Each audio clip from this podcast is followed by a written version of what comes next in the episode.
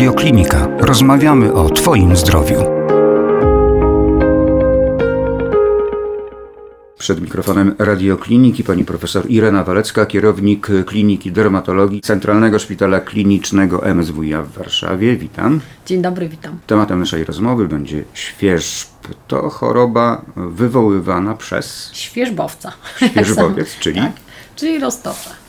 Roztocze. Czyli jest to choroba Jest to choroba zakaźna.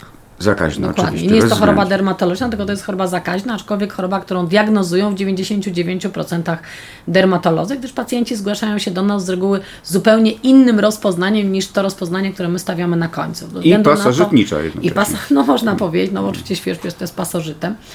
Natomiast generalnie jak przychodzi do nas pacjent, no to z reguły pacjenci są kierowani albo jako alergia, albo jako wysypka, albo jako wyprys. Natomiast no generalnie my patrząc na zmiany skórne, patrząc na lokalizację, jesteśmy w stanie e, no, z mniejszym czy większym prawdopodobieństwem, jeszcze używając dermatoskop, no to już wtedy z dużym, rozpoznać świeżbę. No. Kiedy my jako pacjenci możemy podejrzewać, że mamy świeżb? Pierwsza rzecz, bardzo intensywny świąt. Druga rzecz, świąt, który nasila się w nocy i świąt, który nasila się po ciepłej kąpieli. To Ale świąt bez objawów wizualnych? Na początku może być sam świąt, później dodatkowo na skórze są grudki, e, takie pęcherzyki, ym, wysypka, taka właśnie czerwone takie zmiany i wtedy, jeżeli już mamy tego typu zmiany, plus charakterystyczne lokalizacje, głównie przestrzenie międzypalcowe, e, fałdy skórne, zgięcia, okolica pępka, okolica brudawek sutkowych i okolica narządów płciowych. Czyli to są te miejsca, gdzie najchętniej tak, dlatego że tam jest świeżb? najcieńsza skóra i wtedy temu świerzbowcowi, który de facto pasożytuje, żywiąc się keratyną i pasożytuje, robiąc takie nory w naskórku, to w tych miejscach jest najła- najłatwiej tam się dostać, dlatego że tam jest najdelikatniejsza skóra i najmniej tego naskórka. Praktycznie no, u osób dorosłych świerzb nie występuje tu, gdzie jest gruba skóra na dłoniach czy na podeszwach, natomiast jak najbardziej u dzieci w tych okolicach może występować, no bo skóra dziecka różni się od skóry osoby dorosłej. Świeżb kojarzymy najczęściej właśnie z świądem obszarów między... Palcowych. międzypalcowych. Natomiast, jak się okazuje, on lubi się zagnieżdżać również i w innych obszarach, o czym pani profesor wspomniała. Przenieśmy się może na chwilę w ten mikroświat y, pajęczaków, które nas tam drążą. Y, Mówiła pani o właśnie, o drążeniu tych tuneli. One drążą To brzmi dość przerażająco. Czy ja myślę, że w ogóle wszystkie te pasożyty brzmią dość przerażająco, jak, jak generalnie jakieś takie jest, pokutuje w społeczeństwie informacja, że jak ktoś ma świeżb czy wszawicę, to jest w ogóle choroba e, wstydliwa, to jest choroba ludzi z biedy, z brudu, a to zupełnie nie tak, absolutnie nie. Zachorować może Zachorować bogaty. może tak naprawdę każdy, i bogaty, i biedny, i bezdomny, i że tak powiem domny, natomiast największym problemem jest to, że chorują głównie, jeżeli chodzi o świeżba, duże skupiska, na przykład duże skupiska dziecięce, czyli przedszkole. Wystarczy, że jedno dziecko przyniesie świeżbowca i za chwilę wszystkie pozostałe dzieci będą go miały. No głównie z tego powodu, że się obejmują, całują, dotykają. Głównie jest to choroba przenoszona poprzez kontakt. Oczywiście poza tym mogą dzieci się zarazić od na przykład ręczników, czy w ogóle można się zarazić od ręczników, od pościeli. No wystarczy, że e, świeżb żyje 72 godziny. W związku Poza z czym organizmem tak, poza ludzkim. organizmem ludzkim. W związku z czym, jeżeli w ciągu 72 godzin po osobie, która miała świeżba, położy się na przykład drugie dziecko czy osoba dorosła do łóżka, do tej samej pościeli, no to wtedy mamy gotowe zakażenie. Jeszcze wracając do tego rycia, ten tunel, jak pan redaktor powiedział, to tunele warstwie rogowej na skórka e, ryją te świeżbowce, dlatego że one się generalnie żywią, żywią keratyną. Poza tym w tych tunelach one składają jaja. One składają od dwóch do trzech jaj dziennie i taki pełny cykl rozwojowy świeżbowca trwa około trzech tygodni. One się wtedy namnażają, uwielbiają podwyższoną temperaturę, bardzo lubią ciepło, wtedy wychodzą, że tak powiem, na te swoje i, i czynności prokreacyjne i na żer. Natomiast mniej więcej rozwój objawów to jest w ciągu od dwóch do sześciu tygodni od momentu zakażenia, czyli to nie jest tak, że my się zakażamy i od następnego dnia swędzi. Tylko muszą jeszcze, jak gdyby, musi ten proces cały tego rozwoju świeżbowca przejść, żeby Okres zaczęło nas. wylęgania, tak, tak. okres wylęgania, żeby zaczęło nas swędzić. No to mniej więcej tak wygląda. No i A wtedy- dlaczego w ogóle swędzi? Dlatego przede wszystkim, że świeżbowce oczywiście wydzielają po pierwsze toksyny, a po drugie podrażniają włókna czuciowe, w związku z czym no, podrażnienie powoduje taki bardzo intensywny świąt. To jest w ogóle pierwsza rzecz, którą mówi pacjent. Mówi, ja nie, wszystko, nic mi tak nie przeszkadza jak ten cholerny świąt. To mniej więcej jest tak, tak jak, jak mówią pacjenci, no a u dzieci widać głównie podrapania, przeczosy, natomiast u dzieci jeszcze ta, ta lokalizacja świątu nie musi być koniecznie taka, jak powiedziałem, powiedziałam, jak u dorosłych, bo u dzieci również może być na skórze owłosionej głowy, może być, może być tu w okolicach szyi, to są, bo dzieci mają zupełnie inną skórę, taką bardziej miękką, bardziej taką przezierną, w związku z czym tutaj u dzieci ta lokalizacja nie musi być identyczna jak u osób dorosłych. I jeszcze jest taka jedna odmiana świeżbu, który się cechuje bardzo wysokim poziomem zakaźności, to jest śwież norweski, to jest bardzo rzadka odmiana. I w tym przypadku tutaj raczej jest zarażenie drogą pośrednią, poprzez właśnie pościel, poprzez ręczniki, natomiast ono dotyczy osób popada na osoby, które mają z założenia obniżoną odporność, czyli na przykład osoby, które mają e, AIDS pełnoobjawowy, pacjenci onkologiczni, osoby starsze z obniżoną odpornością i ten świerzb jest bardzo zakaźny, natomiast on się charakteryzuje tym, że przychodzą pacjenci z taką nawarstwionymi strupami, z taką bardzo dużą łuską na skórze. Czasami jest rozpoznawana zupełnie inna jednostka dermatologiczna, zanim rozpoznamy, że być może to jest świeżb. Świeżbowiec y, żyje w naszym naskórku. Tak. To Żywi już- się w ogóle. I żywi się, tak, keratyną z naskórka, a jednak y, zarażamy się, czyli on wychodzi poza ten Znaczy tak, bo naskórek. on wychodzi przede wszystkim poza naskórek. Tak jak powiedziałam, 72 godziny może żyć poza organizmem i żyje, no bo wychodzi. E, naskórek nam się złuszcza, w związku z czym ten złuszczony, w tym złuszczonym naskórku mogą być jaja świeżbowca i te jaja można sobie po prostu przykład właśnie z pościeli czy z ręcznika wetrzeć. W związku z czym taki cykl obiegowy to nie jest tylko to, że on siedzi w tych norach, ryje i składa jaja, ale również to, że on no, pasożytuje na skórze, to one się rozmnażają też. Aha, i stąd Tak, ta i stąd możliwość, ta możliwość zakażenia, i zakażenia pośredniego, i bezpośredniego, bo mamy dwie te drogi podczas zakażenia. obcowania na przykład z drugą osobą. seksualnego jak najbardziej Chociażby. można się. Tu, tu, gdzie w ogóle następuje tarcie na skórka o naskórek na przykład, no to, to jest bardzo prawdopodobne. Lub też korzystanie Tak. z tej samej pościeli, z tych Ale samych no, ubrań. bo śpimy, przekręcamy się, no nie zawsze mamy piżamą, jesteśmy idealnie, że tak powiem, obleczeni, no gdzieś tam tą, tą gołą skórą trzemy o pościel, w związku z czym tutaj te drogi zakażenia są oczywiście różne. Czyli te duże skupiska ludzkie Tak, głównie jednak dziecięce, działają. duże skupiska, na przykład domy opieki społecznej, różnego rodzaju właśnie takie domy, y, gdzie tam jakieś tam skupiska większe osób, przedszkola, szkoły, no tu, gdzie mamy kontakt bezpośredni, duże, duże grupy ludzi. Czy ryzyko zapadnięcia na świeżb wzrasta mm, wraz z brakiem higieny?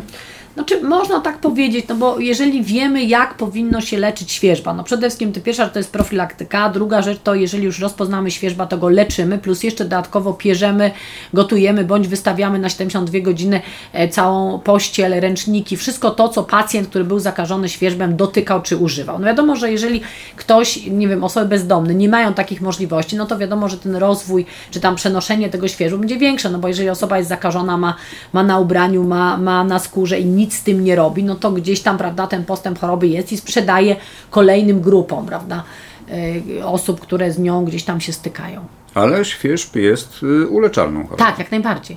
Jak najbardziej w tej, tej zresztą mamy bardzo dobre środki do leczenia świeżbu. No, pierwsza to jest grupa, to są preparaty z permetryną, bardzo popularne. To są preparaty bardzo wygodne, bo stosuje się raz na 8 godzin, potem się skórę myje.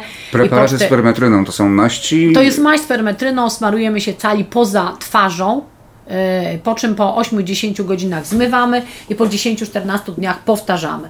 I to jest chyba najlepsza terapia. Natomiast na takie ciężkie postacie świeżbo, które na przykład nie, nie daje się wyleczyć permetryną, to wtedy mamy takie tabletki z iwermektyną dla odmiany. One są tylko i wyłącznie na import docelowy w Polsce nie są dostępne. I Czyli wtedy środki możemy, doustne Tak, środki przypadku. doustne, tabletki, wtedy możemy. Więc jak gdyby świeżb jest absolutnie uleczalny, natomiast czym wcześniej go się zdiagnozuje, no to tym jak gdyby to leczenie jest skuteczniejsze.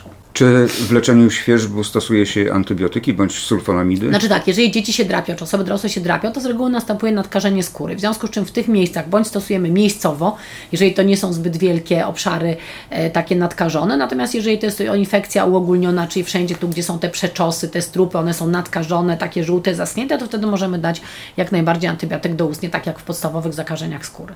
Doustnie, a nie w postaci maści kremów? Znaczy nie, w ogóle generalnie dajemy w postaci maści kremów. Natomiast jeżeli jest duże nad, nadkażenie skóry i boimy się no, uogólnienia infekcji, to wtedy możemy nawet da, podać preparaty doustne. Jak długo może trwać terapia związana ze świeżbem? Znaczy generalnie, tak jak powiedziałam, przy tych preparatach nowoczesnych, właśnie przy permetrynie, to się daje krem jeden dzień na 8 godzin, zmywamy po tych 8-10 godzinach, na noc się go daje i potem po 10-14 dniach możemy powtórzyć e, leczenie. Natomiast śwież ma to do siebie, że on czasami powoduje taką alergię poświerzbowcową, czyli już nie ma świeżbu, nic się nie dzieje, natomiast pacjent mówi, że go strasznie swędzi skóra.